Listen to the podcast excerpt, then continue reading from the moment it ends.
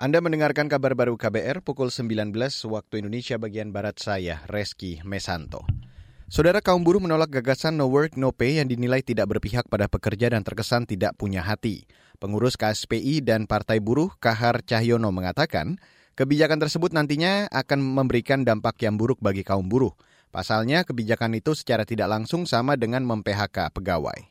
Nok Nope ini apakah kemudian disetujui atau tidak, ini masih butuh pengawalan dan kaum buruh terus akan berjuang untuk memastikan agar pemerintah tidak mengeluarkan kebijakan terkait dengan Nok Nope. Bahkan sebelumnya kaum buruh berpandangan bahwa apa yang diusulkan oleh kalangan pengusaha untuk upah menggunakan PP 36, artinya naik di kisaran 2%, dan pada saat yang sama juga menggunakan kebijakan Nok Nope, itu adalah sebuah usulan atau sebuah gagasan yang tidak punya hati. Bagaimana mereka meminta agar upah naiknya kecil dan pada saat yang sama juga meminta ada sebuah kebijakan yang berpotensi untuk menurunkan uh, upah.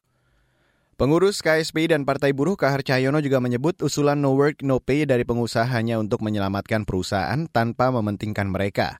Untuk itu Kahar menyayangkan pernyataan pihak staf Kementerian Ketenagakerjaan yang seolah mendukung usulan no work no pay.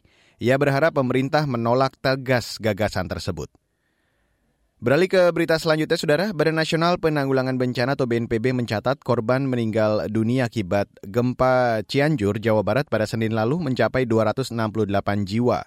Kepala BNPB Suharyanto mengatakan jumlah tersebut didapat dari hasil pencarian dan identifikasi hingga pukul 17 hari ini. Korban jiwa meninggal dunia sekarang ada 268 dari 268 itu yang sudah teridentifikasi ya dari 268 yang sudah teridentifikasi siapa-siapanya ini sebanyak 122 jenazah.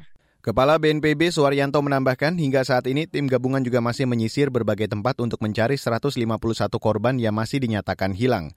Adapun BNPB juga mencatat sebanyak 1.083 orang terluka, 58 ribuan lain mengungsi akibat gempa yang merusak sekitar 20 ribuan unit rumah dan fasilitas publik. Saudara PT Kereta Api Indonesia Daerah Operasi Daup 2 Bandung mengoperasikan tiga rangkaian kereta api atau KA tambahan untuk periode keberangkatan Desember 2022 hingga Januari 2023, masa Natal dan Tahun Baru. Adapun tiga rangkaian kereta api yang akan ditambah adalah Argo Pariangan relasi Gambir Kiara Condong, Baturaden Express relasi Purwokerto Kroya Bandung dan Ciremai relasi Bandung Cikampek Semarang Tawang.